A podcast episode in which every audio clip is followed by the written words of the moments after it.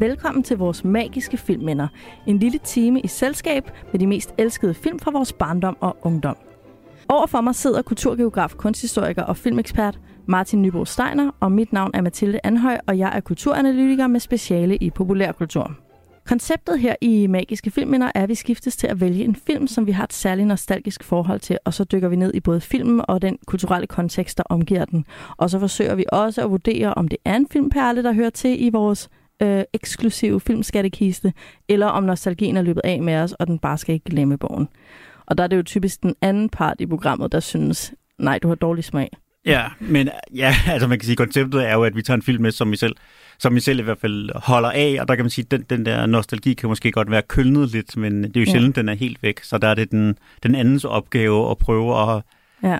bevare det kølige overblik og sige, okay, har, har nostalgien øh, sådan båret af med os, eller, eller havde vi faktisk haft ret hele tiden? Ja, men altså jeg vil sige, at nogle gange så er ens øjne sådan lidt, hvad i alverden tænkte du på? Jamen, det, det kan rigtigt. ske, det kan det ske. I sidste uge annoncerede vi, at vi skulle uh, tale om Mermaids uh, med Cher, Winona Ryder og Christina Ricci, og den findes simpelthen ikke. Den er umulig at streame, lege noget som helst på internettet. Så vi har bestilt DVD'en, og nu må vi bare vente og se. Ja, og jeg håber, vi laver en rigtig hyggelig øh, videoaften. Øh, når, nu har vi jo så kun én DVD til deling, så øh, det kan da være, at vi sådan skal begynde at, at mødes off-mic, og så, så se de og her se film sammen film. og spise ja. popcorn. Ja, Ej, det, det bliver rigtig godt og gammeldags, det kan jeg allerede mærke. Jeg har aldrig nogensinde prøvet det der fra Beverly med at sidde og spise... Altså, er det Donna, der godt kan lide at spise is med popcorn på? Jeg har aldrig prøvet det i virkeligheden, og det, men jeg synes, det hører en, en sleepover til. Det er øh, så det kan være, det er der, vi skulle, øh, vi, det er nu, vi skal indføre Men det er jo et sindssygt koncept. Det er ligesom det der med øh, vaniljeis med Coca-Cola nedover. Black ja. Cow, eller hvad det hedder. Ja. Det er også vanvittigt. Det ja. kan jeg altså ikke sådan noget, Martin. Jeg kan ikke nye ting. Nej, okay. det Gamle hører, ting. Det hører ikke nostalgien til. Nej, præcis. Øhm, men, det er ren Noma. Ja. Men øh, Mermaids var ikke den eneste øh, 90'er-basker, jeg så øh, på nærmest daglig basis, da jeg var yngre. Øh, den, en af de andre sådan virkelig faste genganger i VHS-maskinen, det var øh, filmen The Bodyguard, og det er den, vi skal tale om i dag. Og det er jo altså den her uforglemmelige fortælling om den alvorlige og disciplinerede bodyguard eller livvagt, spillet af Kevin Costner, der forelsker sig i sin klient, den temperamentfulde og uregerlige sanger slash skuespiller Rachel Maron, spillet af ingen ringer end den legendariske sanger slash skuespiller Whitney Houston, som jo øh, nok altid vil blive husket for lige netop den her perle. And I hope you have all you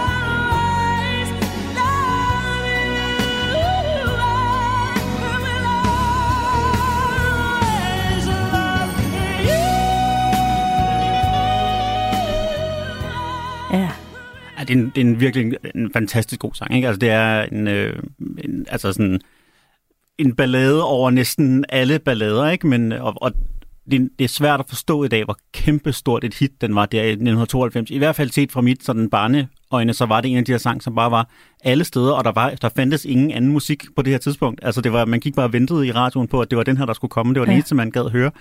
Øhm, og måske siger det også noget om, hvor meget et barn har været. Det er jo først lige nu her, hvor i en alder er 41, øh, at, at det går op for mig det, i det klip, du lige har spillet, hvor hun jo så synger But Above All This, som inde i mit hoved altid bare har været But above this. I wish to. But above this. Ja, præcis. Det er det bedste ved at høre sange, man allerede har lavet til sludder i sit hoved, da man var lille. Ja. Ja, det er jo en uh, Dolly Parton-sang, øh, ja. oprindeligt. Øhm, og øh, Whitney Houston var altså ikke den første stjerne, som rigtig gerne ville indspille den her sang. Faktisk øh, var der en kandidat, som måske var den største stjerne af dem alle, nemlig Elvis Presley, der spurgte, om han ikke nok måtte indspille den her I Will Always Love You. Og øh, han ville så gerne have halvdelen af indtjeningen, og det ville Dolly ikke gå med til, så hun sagde, nej tak, ellers tak, ses. Og så kom Whitney og ville indspille den, og havde mere færre krav. Dolly sagde ja, og Dolly har senere sagt, udover at det er Whitney, der har gjort den til det, den er, øh, ifølge Dolly selv, så har hun også sagt, at hun har tjent så mange penge på den sang med Whitneys indspilling, at hun kunne købe hele Graceland. Ja. Snap. Det er det, altså, og det er jo måske også et af de eneste eksempler, man overhovedet kan komme på, at det er en Dolly Parton-sang, som faktisk er blevet gjort bedre her. Ikke? Det kan jo nærmest ellers ikke lade sig gøre.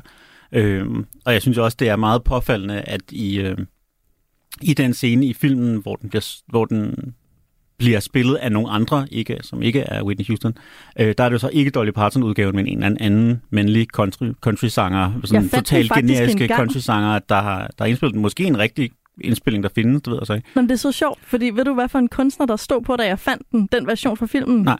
John Doe, som Ah. jo er det, man siger om sådan, folk, man ikke har identificeret.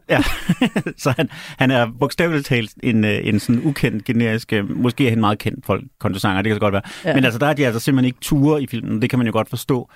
Ikke sådan ture og, og sige, og, og være sådan han, mod nok til at sige, at Whitney, hun tør gå ind og gøre en Dolly-sang bedre. Det er så bare en, en sådan lidt kedelig country-sang med en god tekst og en Ja. god melodi, som hun så går ind og, og løfter op. Ikke? I turde ikke sætte uh, Whitney op mod Dolly. Nej. Men jeg tror også... Selvom hun måske ville faktisk ville vinde. Det synes Dolly jo. Dolly ja. Synes jo, at Whitney har gjort den sang til det, den er. Ja. Det siger Dolly Parton, og jeg, altså, når Dolly Parton siger det, Martin, hvem er du så til Ja, at jamen kunne... det er det. det og jeg, og jeg, altså, jeg, faktisk, jeg tenderer til at sige, at hun har ret. Ja. Jeg tror, det er den eneste kamp, som Dolly måske nogensinde kunne tabe. Ja. Det er den her. Men jeg tror også, at man har sat den her øh, anonyme mande, kedelige mande, knude mands stemme på, fordi det er en kæmpe kontrast til den her brune, øh, følelsesfulde powerkvinde, at have den her lille gnalling af en øh, hvid countrymand stemme. Mm.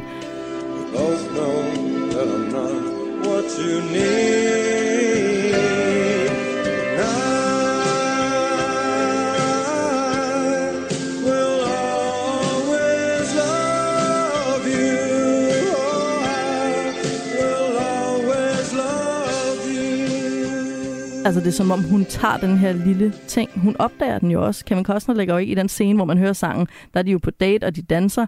Og Kevin Costner tænker ikke over sangen. Men musikeren, Rachel Maron, hun tænker, hmm, det er meget sjov tekst. Hmm, melodien. Uh. Altså hun begynder ligesom at, Mm. at tage den her sang og tage den ind. Og så puster hun jo så liv i den, som kun Whitney Houston kan. Mm. Og det er jo noget, altså i virkeligheden, altså jeg, det, er jo, det er jo ikke med i filmen, øh, og jeg kan vide, der filmen er jo efter tiden blevet klippet temmelig meget kortere, end den var oprindeligt, om der også har været et eller andet, øh, hvor man på et tidspunkt fik at vide, at hun var i færd med at udvælge nye sange til sit kommende album, fordi man sidder, hører hende også, sidder hende på et tidspunkt til at sidde ved, øh, ved poolen og lytte til en Walkman med nogle af sine egne sange på, hvilket mm. er en lille smule underligt. Men ville jo give mening, hvis hun var i, i færd med en proces med at udvælge sange til et, et kommende album. Og det vil jo så også give mening, at hun netop her finder en inspiration. Okay, det her, det bliver min, det bliver min kommende single, ikke? Lige præcis, og netop kan tage den for ingenting og gøre den til det, den er. Ikke? men, men det er altså ikke med i filmen. Det, det, Og, og apropos det, så er det sådan, at den her film, vi bliver nok nødt til lige at starte med at sige, hvad den handler om. Ja. Det er jo den her øh, superstjerne, sanger slash skuespiller øh, Rachel Maron, som øh, har nogle trusler. Der er nogle ting, der truer hende, og hun ved det ikke selv, men de her mænd, der er ansat omkring hende, er opmærksom på, at, øh, at hendes liv er i fare. Der er en dukke, der eksploderer. Det viser sig at være et attentat, og så er der nogle trusselsbreve med sådan nogle avisudklip-ord øh, uden fingeraftryk, som, som også truer hende. mm. Og som er blevet sendt til hende, og et af dem efterladt inde i hendes soveværelse eller et eller andet, ikke? Præcis, hvor at den her, der har person, der er efterladt brevet, også har onaneret på sengen. Mm. Så det er, sådan, det er helt åbenlyst, at der er nogle trusler, og de kommer meget tæt på livet af Rachel Maron, selvom hun ikke ved det. Derfor vil alle de her ansatte have ansat en virkelig god bodyguard, en head of security, øhm, en sikkerhedschef til Rachel Maron. Enter Kevin Costner. Han er jo den bedste i branchen, Martin. Ja. Det kan alle se. Han har Den- været for to præsidenter, og vi ser ham i starten for et eller andet andet. Han har været for alle, alle de store. Alle de store, ja. Alligevel virker han sådan senere filmen meget overrasket over, at hvordan sådan, livet er som en kendt. Han virker meget overrasket over, at der er fotograf, kan være fotografer. Og Ja, lige slags. præcis. Men der tror jeg også, at vi skal tilbage til 1992, hvor at paparazzi-kulturen ikke var så stor for præsidenter, mm. som Mhm. den var for skuespillere og sangere over på Vestkysten. Det vender jeg tilbage til, øh, den lille øh, forskel. Men øh, i hvert fald bliver han ansat, og han er meget disciplineret og seriøs og alvorlig og professionel, men alligevel bliver han draget af Whitney Houstons stemme og skønhed og forelsker sig. Og øh, der udvikler sig den her romance imellem dem, samtidig med, at det her thriller-plot øh, bobler op og ned i løbet af filmen, hvor de her trusler sådan opstår, forsvinder, opstår, forsvinder, og Kevin Costner både skal agere actionhelt, der beskytter sådan i nuet, men samtidig også agere lidt detektiv, fordi han skal finde ud af, hvem fanden det her er, og få Mm. øh, demonteret den her øh, trussel. Ja, lige præcis. Ikke? Og, og, og så der har vi jo så et, et sådan netop, som du siger, et romantisk plot, der kører samtidig. Ikke? Vi har en, øh, en forelskelse, der, der blomstrer meget hurtigt, lad os sige på den Ja. måde. Ikke? Som, altså, de her to meget smukke mennesker, som finder, som finder sammen i en eller anden umiddelbar tiltrækning og en eller anden umiddelbar sådan, ja, deres roller på en eller anden måde passer sammen. Ikke? En De bestemt virker forestilling om maskulinitet og feminitet, der sådan passer sammen som to puslespilsbrikker, i hvert fald i, i filmens logik. Ja, og maskuliniteten er selvfølgelig den fornuftige, selvdisciplinerede, øh, selvkontrollerede, øh, stumme, alvorsfulde hvide mand. Og øh, modstykket, det kvindelige modstykke, er den her kropslige, sensuelle, følelsesfulde skønhed, Mm. mm. øh, som ikke tænker, ikke bruger hovedet, men bare agerer impulsivt. Ja, og den, altså, på og også netop sådan den her lidt, lidt naive, nærmest lidt barnlige, og det er noget af det, som jeg synes er sådan lidt underligt, når man ser den nu. At i virkeligheden er der jo ikke specielt stor forskel aldersmæssigt, og Kevin Costner er kun 8 år ældre end, uh, end Whitney Houston, og det er jo sådan i filmkontekst ikke specielt meget, men, Og i mande-kvinde-kontekst. men heller ikke. kvindekontekst heller ikke nødvendigvis sådan Nej. vildt meget i hvert fald. Øh, men i filmen, der, altså, Kevin Costner, han har altid, måske siden han var barn, virket som sådan den ultimative voksne. Altså han har virkelig, altså han, der er et eller andet med hans ansigtsform og hans sådan lidt høje tændinger og sådan noget, som gør, at han bare virker ældre, end han i virkeligheden er. Og til gengæld så har vi så Whitney med den her fuldstændig perfekte, glade unge hud, og netop også, hun har godt nok et barn i, øh, i filmen, men på alle andre områder opfører hun sig jo som en, en ung pige, kan man ja, sige. en Ikke? forkælet møgeunge også, ikke? Øh, så altså, altså, de virker som far og datter. Ja. når de står ved siden af hinanden. Det gør de bare. Ja. Øh, og, og det gør noget af det, der sker senere, sådan lidt underligt. det er rigtigt nok. Men jeg tror også, at ja, hele det her setup med den her forelskelse virker meget mærkeligt. Det har mm. Jeg aldrig synes, da jeg så filmen for min fornøjelses skyld. Men der sker noget, når man ligesom skal bruge sin hjerne, mens man ser film. Og der tænker jeg, at den er meget fragmenteret, og så sker der dit og datten, og hvorfor bliver de overhovedet forelsket, og hvem er forelsket først, og hvornår starter tiltrækningen. Men Kevin Costner, der er det meget tydeligt. Han sidder og ser en video af Whitney Houston, en musikvideo. Mm. I Wanna Run To You. I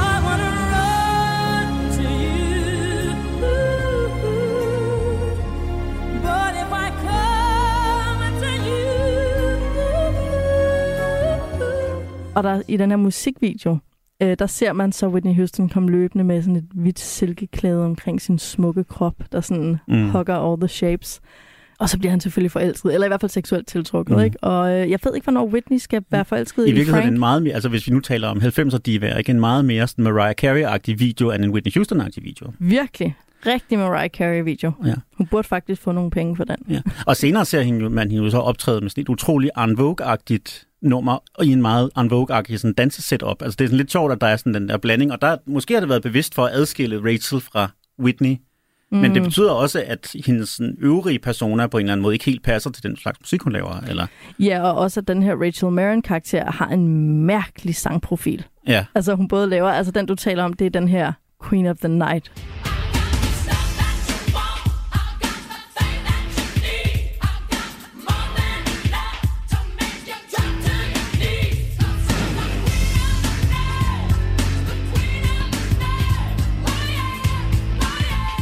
Den er sådan meget hård, den er meget hurtig. Det Ja. er jo en dansesang. Der er Ja. jo ikke noget stemme i den. Nej. Altså jeg ved ikke, hvorfor Whitney står og synger i den. Mm. Altså det er, sådan, det er jo bare en dansevideo. Ja, det lyder, altså, det lyder utrolig meget som Free Your Mind med En Vogue. Ja. Det gør det bare. Altså, det Ja, er ja. ligesom det nummer bare med nogle lidt andre, sådan, Fuldstændig. lidt ændret, ikke? Øh, Jo. Og har den her meget hårdere kant, end de her Mm. Mariah Carey ser Ja. Men det er altså sådan, put dem sammen, og så har vi Rachel Marins profil. Ja. Meget mærkeligt. Ja, så synger hun også den her øh, I Have Nothing, som så er den ja. Sang, hun vinder en Oscar for senere i filmen, ikke? don't walk away from me. I have nothing, nothing, nothing if I don't have you. Som jo så er en meget... I, i hvert fald er blevet til en meget Whitney-agtig sang, ikke? Ja, men, men meget Rachel Marin i virkeligheden, ja. for den passer jo ikke til Whitneys andre sange, Nej. synes jeg. Jeg blev Nej. i hvert fald, altså nu lærte jeg Whitney Houston at kende gennem Bodyguard, og jeg var meget forvirret i, i mange år over de her mærkelige sange, Whitney Houston sendte ud. Ja. Og det er fordi, jeg troede, at Rachel Marin var Whitney Houston. Ja. Nå, det skal vi ikke bruge mere tid på. Der er nogle ting, jeg rigtig gerne vil tale om i den her film. Det ene er mændene. Øh, både de onde mænd, altså skurkene, der truer Rachel Marin på livet, og så de her mænd, der skal beskytte hende. Meget interessante mandetyper, Martin. Jeg kan mærke, at det synes du også. Ja, bestemt. Så vil jeg også gerne tale lidt om, øh, der er noget interessant med geografi, der er noget interessant med kernefamilie, og så er der noget interessant med det her samurai-tema. Mm. Du må bestemme, hvor vi skal starte. Altså, jeg kunne godt tænke mig at starte med samurai-temaet, og det er, fordi jeg godt har et spørgsmål, jeg godt kunne tænke mig at stille dig som, som kvinde, eller i hvert fald som person, som dater mænd, eller har datet mænd med din mand. Hvis du nu var på en første date med en mand, som du ikke kendte særlig godt, øh, hvad ville være det største red flag? Vil det være, at han tog dig med ind til en sådan meget voldelig sort-hvid japansk film på jeres første date? Eller ville det være, at du kom hjem til ham, og han så ikke havde noget hængende på væggen andet end et samurai-sværd? Jeg, Ja, altså, du, altså, du vil ikke knalde med ham uanset hvad. Det, godt, det, det kender jeg da godt nok til at vide, men hvilken en af 100%. tingene vil gøre det? Jamen, den vil være så lukket. Der må man jo sige rækkefølgen. Jeg vil jo aldrig komme hjem til manden, der tog mig ind til den der mærkelige sort-hvid japansk samurai-film. Jeg vil Ja. jo heller ikke sidde igennem den hele.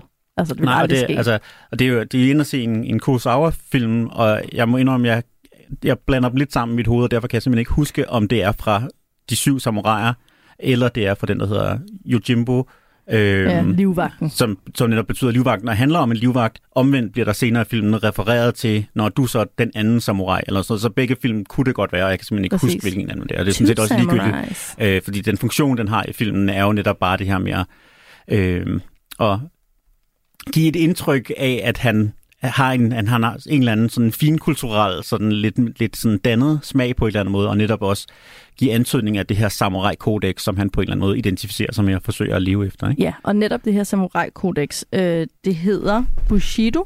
Jeg har skrevet det ned, Martin. Men, men, men, jeg, kunne- men, men jeg bare lige for at gøre det med det ene færdigt. Altså, ja. det, i konteksten af filmen, altså, så føles det faktisk mere, altså så den minder jeg mere for, og det tror jeg helt sikkert ikke er meningen. Altså det er jo så den scene i, uh, i Taxi Driver, hvor uh, Robert De Niro tager sin date med ind og ser en pornofilm, fordi det er den eneste slags film, han kender, ikke? og hun så der, helt forståeligt ligesom dumper ham derefter, ikke? ja.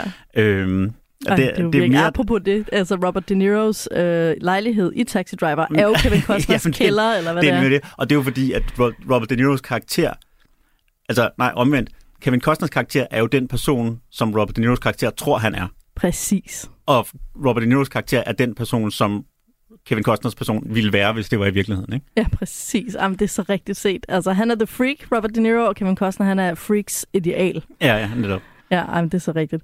Øhm, det, der så er med det her samurai-tema, det er jo, at det er den her, øhm, i virkeligheden, så det her samurai-kodex, som altså hedder Bushido, det øh, har nogle bestemte værdier, det er otte punkter på mm. deres øh, sådan værdiskema, øh, skema.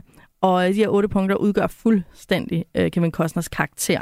Og der er nogle forskellige ting. Noget af det mest interessante, det er det her med, at øhm, der er noget med retskaffenhed, mod, godhed, respekt, øh, høflighed, integritet, loyalitet, selvkontrol. Alle de her ting, som definerer Kevin Costners øh, karakter. Men blandt andet også det med at leve et skrabet liv, hvor man, altså alle materielle goder og luksus, det er bare uinteressant, fordi det, der giver mening i livet, det er det her med at bruge sine vanvittige evner, som Kevin Costner jo har, til at yde det gode. Mm. Det gør han så for penge i den her film. Det ved jeg ikke rigtig, hvordan det hænger sammen med samurai-verdenen.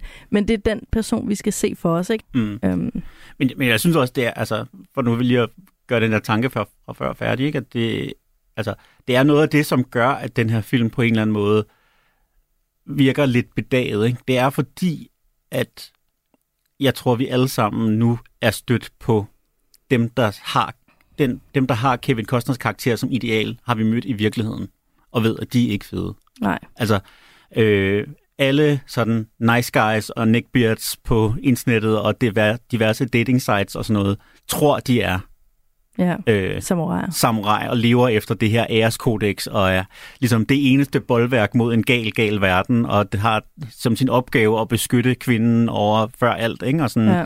er sådan selv, selvopoffrende på en måde, som i virkeligheden er enormt egoistisk og så videre. Ikke? Altså, den her type er utrolig ufed i virkeligheden. Ikke? Ja, det er sådan en slags kældermenneske, teenage school shooter, incel, Ja. øh, hvid mand, der bare faktisk leger, Ja, leger samurai, og derfor er pisfarlig. ja, jamen, ja. Fordi de køber samurai-svær på nettet og bygger bomber og sådan noget. Ja. Så det er rigtigt, der er nogle ting i den her, den, her samurai-held, som let kan tages, kan blive lånt af nogle, nogle folk, der Ja. leder efter noget at tro på. Og det er jo selvfølgelig ikke hverken samurajernes skyld, og det er jo sådan set heller ikke, altså i princippet så kan sådan en karakter som øh, Kevin Costner i den her film jo godt findes, altså det er jo ikke, og det er jo ikke nødvendigvis hans skyld, at der findes sådan dårlige efteraber af ham. Nej. Der, det er bare virkelig, altså det er, det er virkelig et kæmpe red flag, folk der opfatter fatter sig selv som ja. Det her, og har det som ideal for kærlighed og som ideal for parforhold. Ikke? Ja. Eller, eller mere konkret, folk, der har et samurai-svær på væggen. ja men lige Ikke præcis. godt. Ikke ja. godt overhovedet. Nej.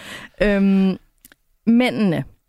Det er jo sådan i den her film, at der er to mænd, der truer Rachel Maron på livet, men i starten tror vi, der kun er én. Ja, fordi det fik du så ikke med i din, øh, i din plot-gennemgang her før. Ikke? At der er jo faktisk et ret stort twist i den her film, netop at man finder ud af til sidst, at der faktisk ikke er én trussel mod Rachel, men faktisk to. Og en af de helt store fejl, de har begået i den her, eller om Kevin Costner har begået i det her opklaringsarbejde, er at troede at blande de to sammen, og derfor havde, havde spor, der pegede i nogle meget forskellige artede retninger. Ikke? Jo. Og øh, vi får introduceret begge trusler ret hurtigt, fordi vi ser øh, den her øh, sådan, øh, forstyrrede fan sidde og klippe trusselsbrev ud, sidde og klippe ord ud og lime dem på, og så ser vi den her dukke springe i stykker. Og de udvikler sig så. Han laver flere breve, laver mere Mhm. ballade, og ham med bomben laver flere attentater. Mm. Og det er jo, man kan sige, det er jo et interessant filmisk trick. Det er jo sådan, det, det der med lidt sådan filmnørdet hedder sådan et Kuleshov-eksperiment. Ikke? Altså, hvordan skaber et Kuleshov-eksperiment? Altså, hvordan benytter du, hvordan får du seeren til selv at lave de slutninger ind i hovedet, som han skal. Ikke? Altså, det er sådan en filmgrammatik, som vi alle sammen lærer. Ikke? Et narrativ grammatik, at hvis du ser et billede af et hus, det gør de jo i alle sitcoms, der bruger sådan nogle billeder, billeder af et hus, og så klipper de ind inde i huset. Ja.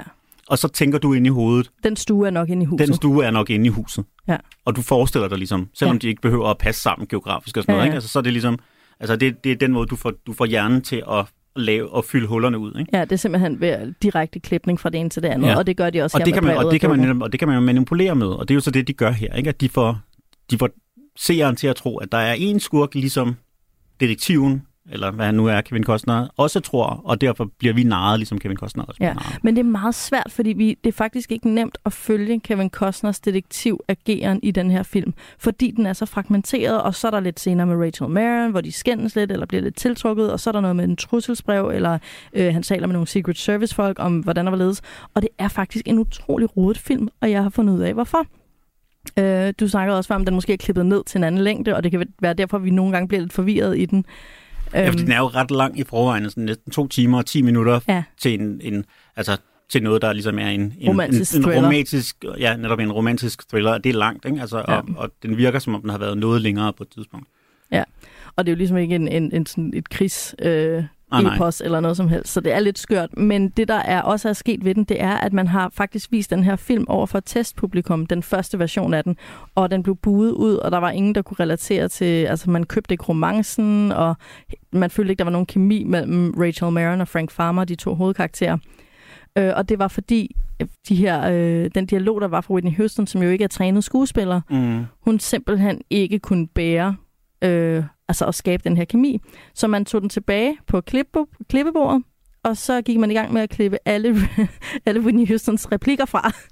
og så i stedet for var det så bare Kevin Costner, der sagde replikker, og så havde man noget close-up på Whitneys øh, vidunderlige ansigt. Mm. Og, så, og det bar faktisk kemien meget bedre. Mm. Og enkelte steder, det kan man også se i filmen, hvis man lægger mærke til det, så er der faktisk en del af sådan noget, altså så, sådan noget ADR eller sådan noget off-screen dialog, hvor man ser Whitney Houstons hoved bagfra, eller hun er lidt på afstand, så man ikke kan se, om hendes mund bevæger sig, og så siger hun en eller anden replik, og det er jo enormt velegnet til netop at lige at fylde noget. Altså hvis du skal have erstattet en hel scene med en replik, så kan den lige blive proppet ind der, hvor man ikke kan se hendes mund bevæge sig. Ja. Øh, og det er der faktisk nogle steder i filmen, hvor, hvor, hvor det i Det er hvert fald er, ja. Og alligevel så mangler man nogle gange nogle broer fra det ene til det andet, faktisk. Ja, men det er, jo meget, det er jo meget sjovt, hvis vi netop skal snakke om den her films genre, og det kunne jeg godt tænke mig at vende tilbage til. Du skal få lov til at komme til din mandetyper lige om lidt.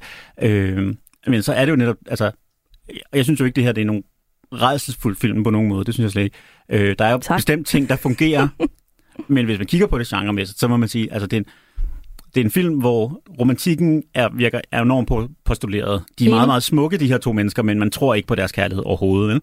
Øh, altså, hvor det er en, en, et drama, hvor dramascenerne helst skal undgås og overstås så hurtigt som muligt, fordi skuespillerne ikke kan bære dem.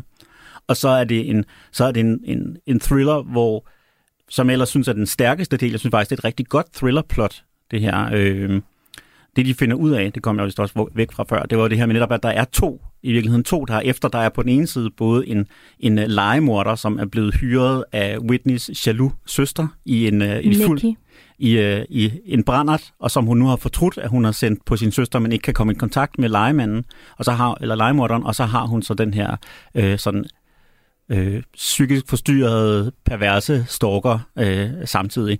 Øh, og det synes jeg faktisk er et ret godt sådan, thriller-plot og twist, det her med, at man tror, man har en modstander, så har man i virkeligheden to, men som har, agerer på helt forskellige måder, hvor den ene er rationel, og den anden er passionsstyret og sådan noget. Ja. Men filmen er helt uinteresseret i det her. Altså, altså filmen er ikke særlig god til at skabe suspense, og, og, og, og som du netop siger, plottet er faktisk lidt rodet, og det er sådan lidt svært at forstå, hvad det er, der helt...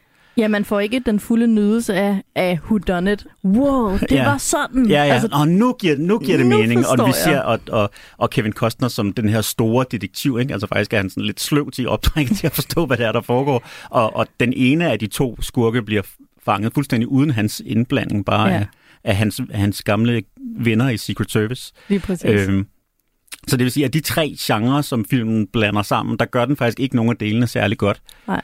Øh, altså, så, det, så det, den gør rigtig godt, det er jo så noget andet, og det kan vi vende tilbage til, hvad det er. Ja. Men lad os, lad os tale Blandt, lidt om blandt øh, andet Whitney Houston Ja. sange gør Ja. det rigtig godt. Ja, men de her mænd, øh, de to, øh, de to forfølger, eller stalkeren og legemorderen, det, der er så fedt i dem, det er jo, at de har, legemorderen er jo også livvagt. Det er ham her Portman, som øh, Frank, øh, Frank Farmer, han har tidligere arbejdet sammen med ham her Portman. Og Portman er den onde version af Kevin- Costner. På samme måde som Kevin Costner er han disciplineret, han er selvkontrolleret, han er øhm, han gør jobbet, altså han er professionel. Helt modsat stalkeren, som jo netop er fuld af følelser og er blevet helt skør af at fordybe sig i sin vanvittige begærsting. Og så er der den der på den anden side, den professionelle øh, morder. Og de, øh, jeg elsker den måde, Kevin Costner og Portman, de er jo lige dygtige, eller de er jo ikke lige dygtige, for Frank Farmer er selvfølgelig bedst, men de er begge to dygtige, Mm, og derfor er mm. de også et godt match. Ikke? Hvorfor at stalkeren jo også bliver fanget af Secret Service-folkene, for det er ikke ham, der er Kevin Costners egentlige modstander. Mm. De andre interessante mandetyper er jo de her, der arbejder rundt om Whitney Houston. Øh, Rachel Marin. det er de samme i mit hoved. Ja. Men det er Devaney, som er den her farfigur, Bill Devaney. Ham, der også tager kontakt til Kevin Costner, fordi han godt ved, han er omsorgsfuld, han er ikke vildt skarp, han er en blød farfigur. Mm. Han kan ikke sige fra over for sin, øh, sin øh, temperamentsfulde øh, teenage-datter. Mm. Men han ved godt, hun er i fare, og han henter Kevin Costner ind for at beskytte hende. Han Ja. er god nok indeni, Bill Devaney. Mm. Men ikke, I virkeligheden ikke synes jeg, det er hård nok. underligt, at han ikke bare er hendes far. Altså, det kunne han jo sagtens være. Altså, det ville være sådan plotmæssigt være renere på en eller anden måde, hvis den der familie bare boede i det der hus. Jamen, det er rigtigt nok, men det tror jeg, der er en grund til. Fordi jeg tror nemlig, der er nogle kernefamilietematikker, som mm. den fremavler den her film i løbet af sådan, dens handling. Men udover Bill Devaney, den, den bløde, søde farfigur, så har vi også Sai, den onde, falske slange, som selvfølgelig tager sig af PR og bare taler om, hvordan Åh, de her legemorder, det er rigtig god publicity. Mm. Øh, Og hun hele tiden vil presse øh, Rachel på scenen. Og... Præcis. Fordi han bare tænker, ah, penge exposure, penge exposure. Og han er selvfølgelig helt forråd. Og selvfølgelig også, at han britte. For de er jo onde. Han er i hvert fald sådan film. lidt, lidt, uh, lidt fag, ikke? Sådan lidt, uh, lidt halvfeminin i hvert fald, Ja, ikke? der, der er et eller andet, der, der bliver brugt nogle markører på ham her sej, hvor vi godt ved, at han ikke er klassisk maskulin. Ja, For klassisk maskulin er ikke ondt. Nej. Nå, og så den sidste, det er Tony, som er den her store bøf af en klassisk bodyguard, hentet nede fra The Meatpacking District i den italienske mafia eller et eller Mm. andet. Og han beskytter Rachel Marin, fordi han elsker hende. mm. Ikke fordi han er hyret. Men det, jeg godt kan lide ved de her maskuline, der er sådan et opgør mellem den kølige, professionelle Frank Farmer og den kærlighedsstyrede, øh, kæmpe muskelbund Tony. Hvem er stærkest? Mm. Hvem er den bedste livvagt? De mødes i en køkkenscene, hvor Kevin Costner sidder og spiser en fersken eller et æble, et eller andet frugt med en kniv, mm. som sidder bare og skærer de der skiver af Ja, på dem ind i på en måde, hvor der, altså på en, sådan er der aldrig nogensinde nogen, der har spist et æble i verdenshistorien. Er Jeg der gjorde, altså efter jeg så den film, jeg var sådan, så gik jeg hen i køkkenet og tog sådan en lille, du ved, sådan en urtekniv, og så Ja. sad jeg sådan og skar skiver af æblet, og legede jeg var, legede jeg var the bodyguard. Men i hvert fald, så kommer han ind, Tony, og han vil rigtig have sådan en hanekamp, og nu skal vi fandme mødes og se, hvem der er stærkest. Og det hele ender med, altså hver gang han angriber Kevin Costner, så smadrer Kevin Costner ham jo, fordi han er dygtig. Mm. Altså han er trænet, han er professionel. Han er samurai. Han er samurai. Og det hele ender med, at Tony tager en kæmpe, stor, fed kødkniv op og peger hen imod, og så tager Kevin Costner den her lille spidse urtekniv og køler den lige hen forbi hans hoved. Mm. Og så siger han, vi taler ikke mere om det. I don't want to talk about this again. Fordi rigtige mænd, de taler ikke om det. Nej, det er det. Nu har kniven har talt, ikke? Kniven har talt, præcis. Samurajsværet har talt. Ah, men det er så morsomt. Det er rigtig lækkert lavet. Jeg kan godt lide de der mandetyper. Det, der generer mig lidt så ved den her film, og det har jeg måttet læse mig til igennem manuskriptet til den, det er, at det virkelige, den virkelige skurk i den her film er jo netop ikke en mand. Det er jo søsteren Nikki, mm. og det kommer jo netop af den her søskende jalousi-ting. Og det har været en meget større ting, at Nikki og Rachel arbejdede på at skrive en sang sammen. Altså, hun er jo lidt lavet som en privatsekretær i filmen. Mm. Oprindeligt var hun meget større del af maskinen, men fik ingen anerkendelse. Mm. Fordi hun blev den her øh, behind-the-scenes-agtige motor, ikke? Og det er, det er jo klippet ud af filmen, eller også er det bare fra starten taget væk. Mm. Men oprindeligt var Nikki en mega vigtig figur, og det er skide ærgerligt, at hun ikke får lov til at fylde mere, fordi jeg synes faktisk, hun er noget af det bedste i den Mm. her film. Hun er så åbenlyst. Altså, jeg ved godt, at hun drikker sig stiv og hyrer en legemorder, men Mm. hun er ikke kun sur og bitter. Nej. Altså, hun er også glad, og hun er musiker, og hun laver noget, hun elsker. Hun danser og skriver musik. Altså, hun er også på en eller anden måde, hun trives også. Mm. Men samtidig så får hun ikke et outlet for den anerkendelse, hun mangler. Mm. Og øh, der er jo blandt andet en scene, hvor at på et tidspunkt tager Kevin Costner øh, Rachel Maron væk fra, du ved, blitzen og øh, popkulturen og ud til en hytte i bjergene-agtig. Og der finder søstrene hinanden igen i sådan et øjeblik, hvor man også bare kan se, hvordan Nicky er halvt bitter, halvt fuld af kærlighed til sin Mm. søster, og det er så... Jeg synes, det er skide godt spillet. Ikke fordi Mm. jeg ved noget om skuespil, men jeg køber den bare. Altså, jeg køber totalt den der blanding, at hun virkelig elsker sin søster, og godt ved, at det ikke er søsterens skyld, at hun er mega talentfuld Mm. men samtidig har ondt i hjertet over at være så anden bedst hele mm. tiden. Og det er også bare fedt, at det er en kvindelig skurk i virkeligheden. Helt sikkert. Og, og jeg synes jo netop, jeg synes faktisk, der ligger et rigtig godt thrillerplot og gemmer sig i en historie om nogen, der har hyret en, øh, en legemorder, men så har fortrudt. Altså, måske, Mhm. mm-hmm. altså det er meget sådan Hitchcock-agtigt i virkeligheden, ikke? Øh, Og det er ikke verdens mest originale, der er lavet andre film med det plot, men jeg synes faktisk, at, at, at med sådan lidt strammere manuskript og måske lidt strammere instruktørarbejde, så kunne man faktisk godt få en, få en rigtig god thriller ud af det her, med at man hele tiden sådan, altså at man ved, at der er en, man har en trussel hængende over hovedet, men man ved, at den trussel er meningsløs, fordi der ikke er noget motiv bag andet end noget, der er forsvundet ja, eller er fortrudt, ikke? Ja, en, en, det var et følelsesudtryk, Ja, og nu er det væk og så har man igen. sat noget i gang. Ja, præcis. men ikke, og det gør måske også det der, hvor hun bliver offrer hun sig for sin søster, eller hun bliver i hvert fald sådan, hun bliver jo så skudt i stedet for søsteren af legemorderen ja. til sidst, ikke? Øh, Og, og den Fordi vil måske de ligner hinanden, det er jo også en vigtig del af manuskriptet. De er jo næsten ens. Ja. Ja. Whitney er bare lidt bedre, ikke? lidt smukkere og lidt, lidt smukkere bedre. og lidt bedre, men bliver Ja. skudt, fordi de er næsten den samme. Ja, lige præcis. Og, og det thrillerplot kunne man sagtens, altså kunne, kunne være rigtig godt, og her er det bare sådan lidt half-assed, fordi filmen vil være så mange andre ting samtidig, og, Ja. ja. og ikke lykkes med så mange af dem. Vel? Lige præcis. Øhm, det jeg sagde før med den her kernefamilie-ting om, hvorfor Bill Devaney ikke bare er hendes far, det, jeg tror, jeg fornemmer i hvert fald, når jeg ser den her film, at der er en eller anden, og det er der i mange amerikanske film, det er der sikkert også i danske, men jeg får altid øje på det meget hurtigt i amerikanske film, at der er sådan en dyrkelse af kernefamilien, hvor at det er dårligt, når kernefamilien er i opbrud, og i slutningen af filmen, altså den lykkelige slutning, inkluderer en eller anden form for genetablering af kernefamilien. Mm. Og i det her tilfælde bliver det lidt det her med, at vi jo ser, øh, og der er jo meget bedre kemi mellem Rachel Marons søn Fletcher og Kevin Costner, end der er mellem Rachel Maron og Kevin Costner. Mm. Men at, at Kevin Costner opbygger et forhold til stjernens søn, og de bliver faktisk fars søn, Mm. før at de bliver kærester. Og det er jo sådan den perfekte øh, stedfar. Det Ja. er, jamen vi havde faktisk et forhold, før jeg overhovedet blev forelsket i din mor. Ja. Så derfor er det okay.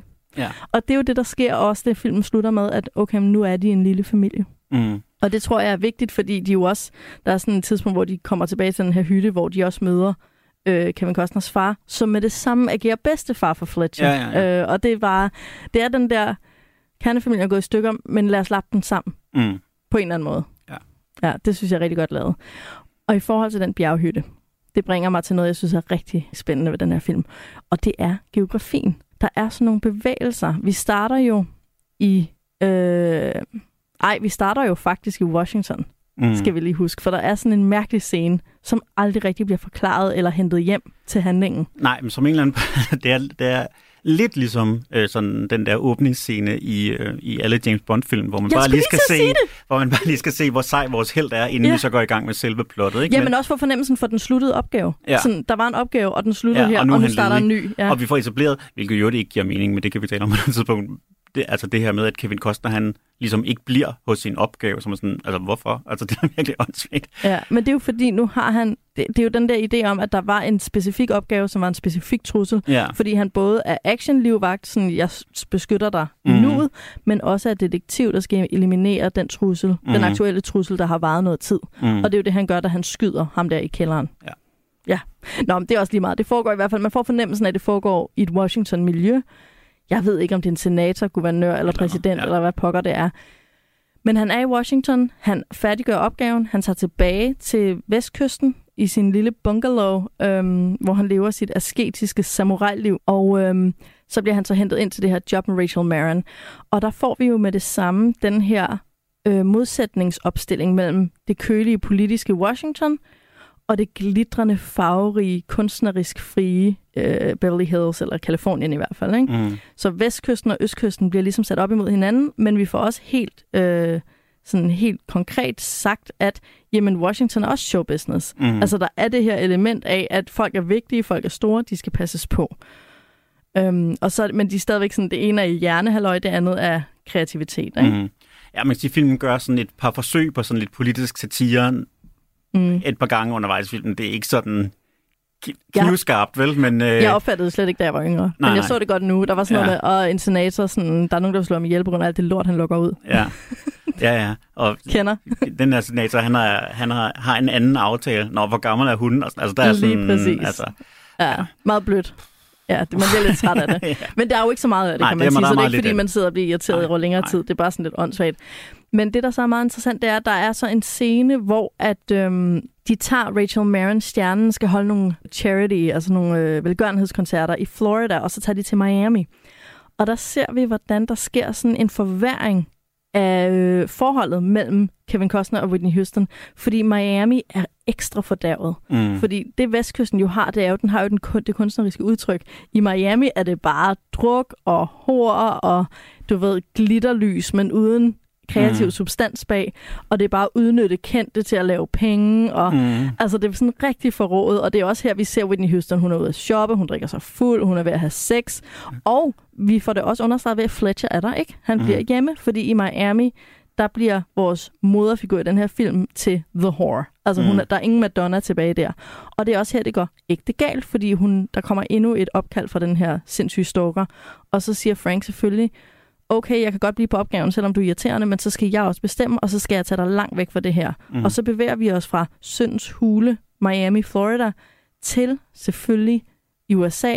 Sådan et, det er sikkert bare i Kalifornien, sådan øvre, men det er sådan Ja. en Midwest-setting. Vi har bjerge, vi har sne, vi har sø, Ja, det vi er har mere, natur. netop, det er mere det, ikke? Altså, mere, altså det er sådan, det er sådan bjergene, ikke? ja, det er bjergene. Ja, Og det er, det er også ved- det er der, hvor Rocky tager hen for at træne i Rocky 4, ikke? Der, hvor han ligesom skal tilbage til, til det er virkeligheden. tilbage, ja, det er tilbage til urkræfterne, ja. det Ja. er tilbage til uskylden. Ikke? Ja, Altså, der er det- sne over det, det- hele, som jo altid er Til uskyld. ægtheden, ikke? Ja, til ægtheden, ja. Og det fede er, at der er sådan nogle ting, altså vi befinder os i 1992, ikke? men deroppe i faren, det er Kevin Costners far, der bor i den her bjergsø-hytte, Mm. hytte ved søen, øhm, meget uskyldsrent. Og der er bare ikke nogen elektronik i den der hytte. det giver bare ikke nogen mening der. Til, og da de så endelig skal ringe, så er telefonerne døde, og der er en telefonboks, Ja, og den er blevet skåret over. Men der er ingen fjernsyn, der er ikke musik, der er ikke altså højtaler, der er ingenting. Det er nærmest som om, de laver ild ved kaminen. Mm. Altså, det er simpelthen så... Øh, de, du ved, de går med tæpper, og sådan, der er koldt. Altså, det er sådan det lille hus på prærien Mm. verden lige Mm. pludselig. Og det sjove er, at i sine gamle dage, så er det jo nærmest, altså det er jo kun den der slags roller, Kevin Costner spiller. Ja. Han spiller den, sådan den ægte bedstefar, man så hjem og besøger, ikke? Ja, det er rigtigt. det, er ligesom- Jamen, det er så rigtigt. Men det er også fint, det han vokset ind i. Ja. Øhm, de sidder også og spiller skak, i stedet for at høre musik. Altså, Mm. der er hele den her sådan... Ja, tilbage til familien og rødderne og det ægte. Og man kan også se, hvordan Fletcher og øh, Whitney Houstons rolle der, at de trives jo i det. De har det godt i det. Mm. Altså det er der, man sådan genfinder et eller andet vigtigt. Men så viser det sig så, at legemorderne er fuldt efter dem og har lavet en bombe i båden, og bagefter prøver at skyde og få skudt Nicky og så videre. Og så kommer, der, kommer de så til Oscar-uddelingen. Øhm, så er vi så fremme dertil nærmest, mm. hvor at, åh, skal jeg tage med, selvom ham her er derude og vil skyde mig? Øh, som er en, en, en genopførsel af en scene, der er tidligt i filmen, hvor Mm. hun også tager scenen, fordi no fucking freak is gonna run me off stage. Ja. This side Whitney. Så tager hun scenen, og så bliver hun skudt. Ja. Ups. Jeg tror måske, jeg vil sige, altså hvis jeg synes, det er en, en færre undskyldning, hvis man lige sige, okay, mit barn er lige blevet forsøgt slået ihjel. Min søster er blevet skudt, og jeg har fået at vide, at min søster havde hyret en legemorder til at myrde mig. Det ved vi så jo ikke, om hun får at vide, men det, det ved vi i hvert fald som publikum. Altså, jeg synes måske, det var fair nok, hvis hun ikke var taget til den Oscar-uddeling. Ja, det, det, øh, det, kan man, det kan man sige. Vi får jo så at vide, hvorfor hun gør det. Det er på grund af alle the kids back home, fordi hun, Mm. hun vædede 100 kroner med dem, da hun var lille om, at en dag ville hun vinde en Oscar. Ja. Øh, og selvfølgelig så vil hun bare stå deroppe, og så skal de se hende, og, og det betyder noget. Og det er et andet eksempel på, hvordan det her, den her film bare mangler nogle bidder fra sit oprindelige manuskript, for det har ikke fyldt noget. Det er først nej. lige den scene, hun siger noget om sin opvækst. Vi har ikke hørt noget om opvæksten, Mm. men opvæksten er jo vigtig, for det er jo også der, hende og Nicky har kæmpet sig ud af sådan, du ved, de her ghetto-unger, der havde talent og sådan kæmpet sig fri af deres vilkår. Altså, der er en hel historie der, som Mm. vi slet ikke får, får lov til at have nogen relation til overhovedet, vel? Dog er der en enkelt lille, øhm, da vi møder Nikki første gang sådan ægte, hvor at Kevin Costner taler med hende, der fortæller hun jo så lige om, hvordan at hun startede bandet, og så kom Whitney med, og hun var stjernen og overskygget, bla bla. Og der ser vi på Nikkis, Nikki har sådan en væg i sit dansestudie, og der ser vi, hvordan øhm, der er sådan et lille billede af Nikki og øh, Rachel Maron, der står på scenen og optræder, og hvor at vi ser ligesom Rachel Maron, altså Whitney Houston, stå med armene i vejret og bare være i den der kraft, hun har i sig, og den reaktion, hun får fra verden i det her, hun udlever. Og filmen slutter faktisk også med, at hun lige præcis indtager den der positur, Mm. og vi ser, at det er der, hun lever, og det er jo også derfor, hun skal på scenen til den Oscar. Ja. Så, hvad Så- vil du sige til det? Så jamen, jeg vil bare sige, at netop, vi får heller ikke vide, hvor lang tid der er gået, det skal jo så også siges. Men der er jo ikke gået så lang tid, fordi vi har jo, altså, Oscar-nomineringerne er jo blevet offentliggjort tidligere i filmen, så det der skyderi sker jo ligesom inden for nogle uger af den der.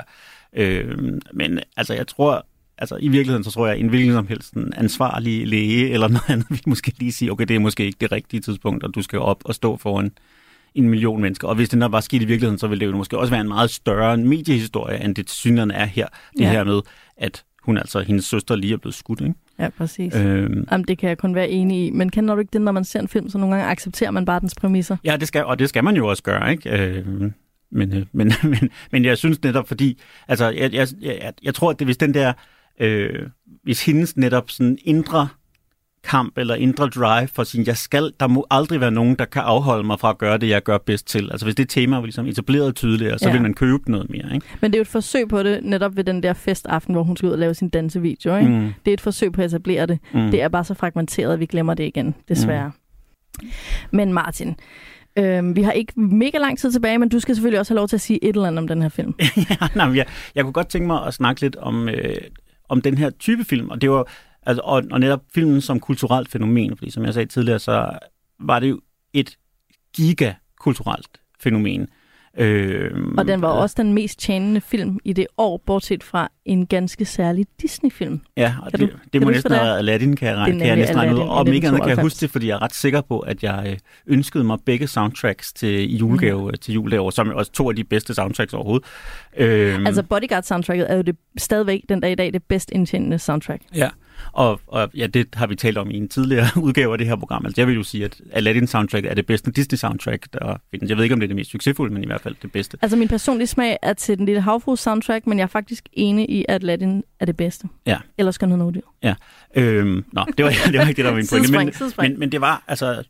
Øhm, det kommer lidt an på, hvordan man måler det, og hvordan man opgør det. De steder, jeg har set det, der bliver Bodyguard omtalt som den syvende bedst indtjenende film, i hvert fald på verdensplan her inden 92. Men det var i hvert fald et giga-kommersiel øh, succes, og det er en type film, som man ikke rigtig ser være succeser på det her niveau i dag. Ja. Altså, biografmarkedet har simpelthen ændret sig så meget, øh, at sådan en film som det her, med to indrømmet to store stjerner, men jo men ellers ikke sådan, altså Whitney Houston var jo ikke kendt som skuespiller på det her tidspunkt i hvert fald, ikke? Øhm, og netop et, en, en sådan thriller, romantik, drama, et eller andet, som pludselig går op og altså har biograf salg, som vi nu i dag kun ser en superhelte eller en Star Wars eller netop en Pixar-film måske sælge Mm. af den her af den her Ja, slags. fordi ikke? den her type film har ikke noget stort franchise at læne sig op af. Den har ikke en kæmpe fanbase, der alligevel køber billetter. Nej, Den og går den- fra ingenting, ikke? Og det er også en del, altså, det er, en, det er en film for voksne, ikke? Altså, det er, det er ikke nogen god film, men det, det, er, det er i hvert fald ikke en film for børn Nej. øh, eller, eller unge. Det er ikke sådan en teenage popcorn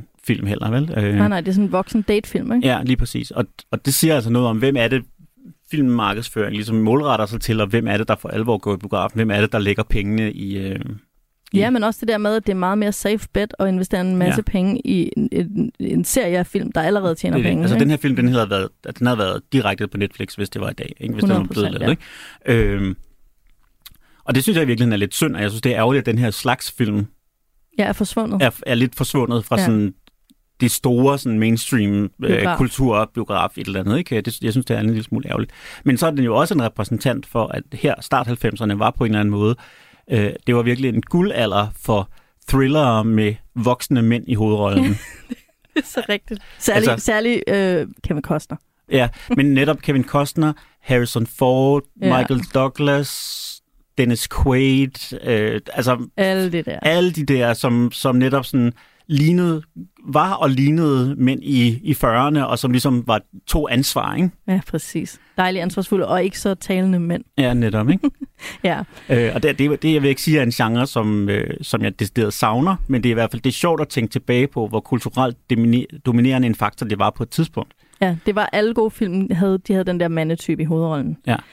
Øhm, vi skal altså også til at tale om den her film og komme i filmskattekisten, og jeg er så bange, Martin, for at du bare vil sige, at det er en dårlig film. Ja.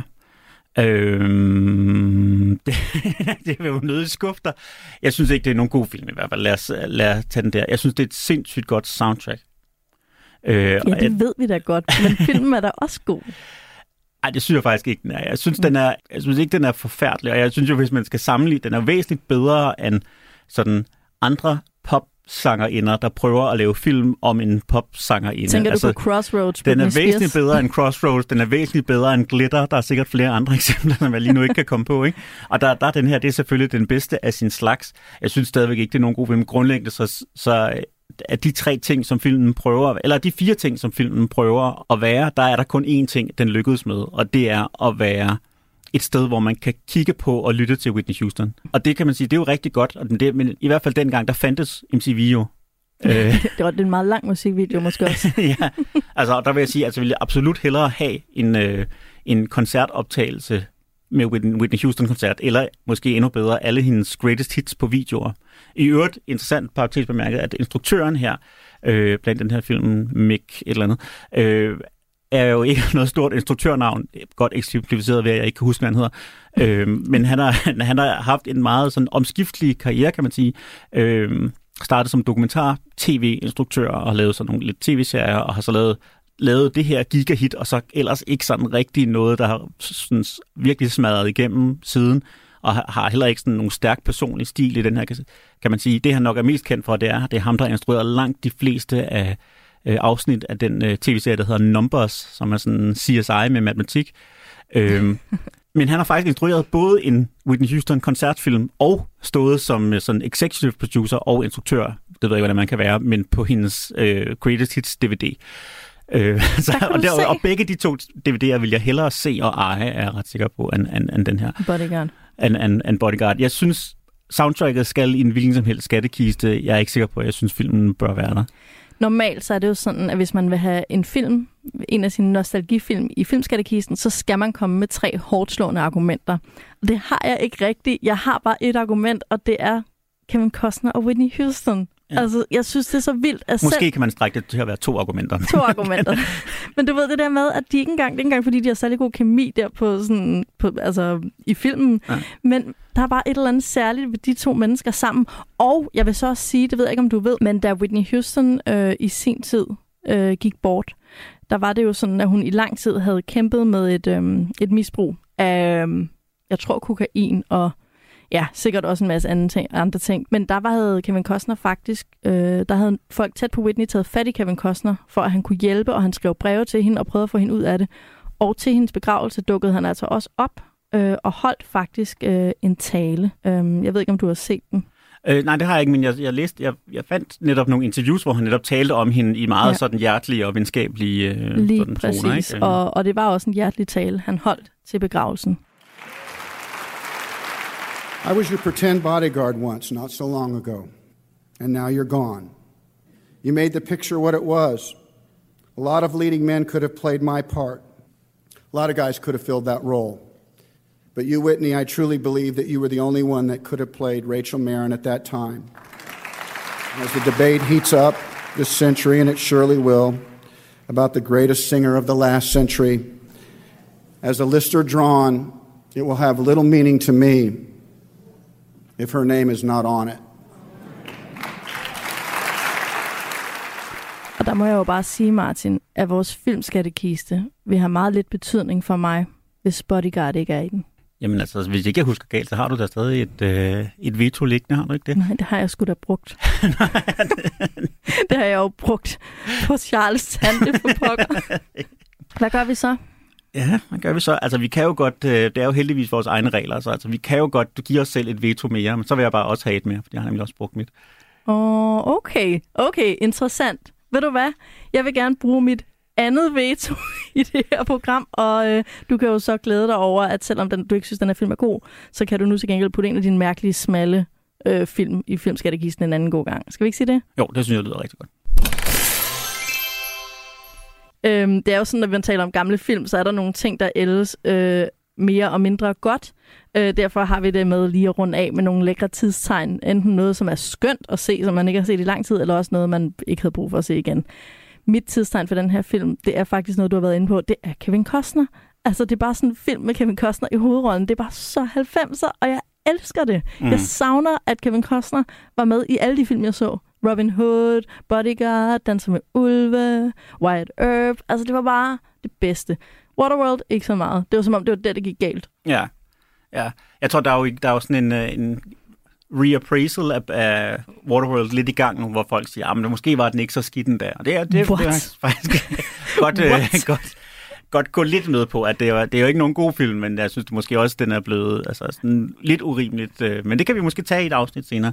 Øh, Jeg gider simpelthen ikke se uh, Waterworld. hvad hedder Waterworld i det her program. Okay, Nå. ja. jamen det er, det er ikke heller en, jeg kommer til at vælge. Så det bliver et andet program, hvis vi nogensinde laver det. Ja. Dårlige filmminder med Martin Film. Og hvad er dit tidstegn? Det er vel samurai-sværet, tørklædescenen eller sådan noget? Ja, jeg synes, den der tørklædescene, øh, den har vi slet ikke talt om, men det synes jeg virkelig er, øh, er Den har ikke ældet godt. komisk. Den har virkelig ikke ældet godt øh, i forhold til, at sådan tydelig sy- symbolik, øh, hvis vi kort skal beskrive den, jeg håber, at vi har tid til, Mhm. mm-hmm. så øh, der, da han har, har øh, taget Whitney med hjem i sin øh, undergrundsbunker der øh, første gang, og hun sådan, så tager hun hans samurajsvær ned fra, øh, ned fra væggen og leger lidt med det, fordi hun tror, det er sådan, er sådan en replika-svær. Øh, og, og lader så som om, at hun sådan truer ham lidt med det. Det er en meget falsk scene, når har det her lange, sådan helt rigide, stive øh, Stang. stang, som hun sådan pr- presser ind i hans øh, i sådan Lidt tæt på struben. Lidt tæt på struben, og han sådan lidt læner sig ind i det nærmest, øh, indtil han så ligesom viser hende sådan, så tager han hendes tørklæde og lader det falde ned over klingen, og det kløver hendes tørklæde i to. Mm. Og man ligesom ser, hvor Som en meget, skede. Som en skede, hvor man ser, hvor meget magt den der penis, den har, ikke? Ja. Og hvor meget... Og it's the real deal. Det er Ja, ikke en replika, det er et rigtigt det- samurajsvær, det er det. for han er et rigtigt samurajsvær. Lige præcis. Eller samurai. Ja, netop. Øhm, altså, den, den, der, den scene, den er, den er sådan komisk, synes jeg. Jeg kan synes, den var så sej. Jeg kan huske, jeg synes, det var rigtig sejt, da jeg så den som barn. Jeg synes, det var, det var sindssygt romantisk og sindssygt sejt gjort, ikke? Ja. Og bare, men, men jeg synes, Hvad den er, skete der? Ja, er, forhåbentlig er vi som mennesker og vi som kultur blevet lidt sådan mere, mere øh, sådan, Modne. Øh, modne, eller i hvert fald lidt mere bevidste om vores, øh, vores penismetaforer, og hvor langt vi ligesom kan strække den, tror jeg. Det kan godt være, det er det. Men jeg, havde det, jeg var bare sådan, den der tørklædescene plejede at være min yndlings, og nu var jeg bare sådan... Det var meget svært. Det var Ja, meget det er- svært at sidde, sidde igennem den, Ja, ja det, er, det er cringe, som de unge vil sige. som de unge vil sige. Ja. Øhm, Martin, i næste uge er det din tur til at vælge film. Hvad, vi skal vel se noget tørt og smalt? Øhm, ja, det vil jo vise sig. Øhm, oh, det noget, ved jeg bare betyder ja. det, det, det er spændende på, hvad du, hvad du siger. Altså, jeg kan, jeg kan jo sige, okay, vi er, øh, vi er i, også en film, der handler om en kunstner. mm, Øh, vi er også en film, der begynder med B. okay. Og øh, så er vi også i en, øh, en film, som for mig er den ultimative adult film. Altså porno? Nej, mere som at øh, det her, det er, hvad det for mig vil sige, da jeg var barn at være voksen, det var, at man godt kunne lide den her film. Åh, oh, jeg forstår. Ja, okay. Øhm, jeg kan måske komme ind i næste uge på øh, præcis, hvordan det kom til udtryk som barn. Men nu er jeg jo så selv blevet voksen, og derfor så, øh, så er det også nu en film for mig. Så vi skal se den film, der i hvert fald kan det argumentere startede sådan den øh, succesbølge for dansk film, som vi stadigvæk rider på her øh, øh, over 30 år senere, nemlig Barbettes gæstebud fra 1987. Øh, vi er lidt langt fra The Bodyguard på mange måder, men øh, ja, jeg vil sige både på godt og ondt en meget anderledes film end uh, The Bodyguard. Okay, Babettes gæstebud har jeg aldrig set, så øh, jeg vil prøve at holde mit sind åbent. Ja. Jamen, det bliver dejligt med lidt variation. Det er jo dansk tilbage til Danmark. Det er altid godt, om Simpelthen. ikke andet. Jamen, så er der jo bare tilbage at sige farvel og tak til Kevin Costner og Whitney Houston. Og øh, så håber vi jo bare, at I alle sammen lytter med igen i næste uge til endnu et af vores magiske filmminder.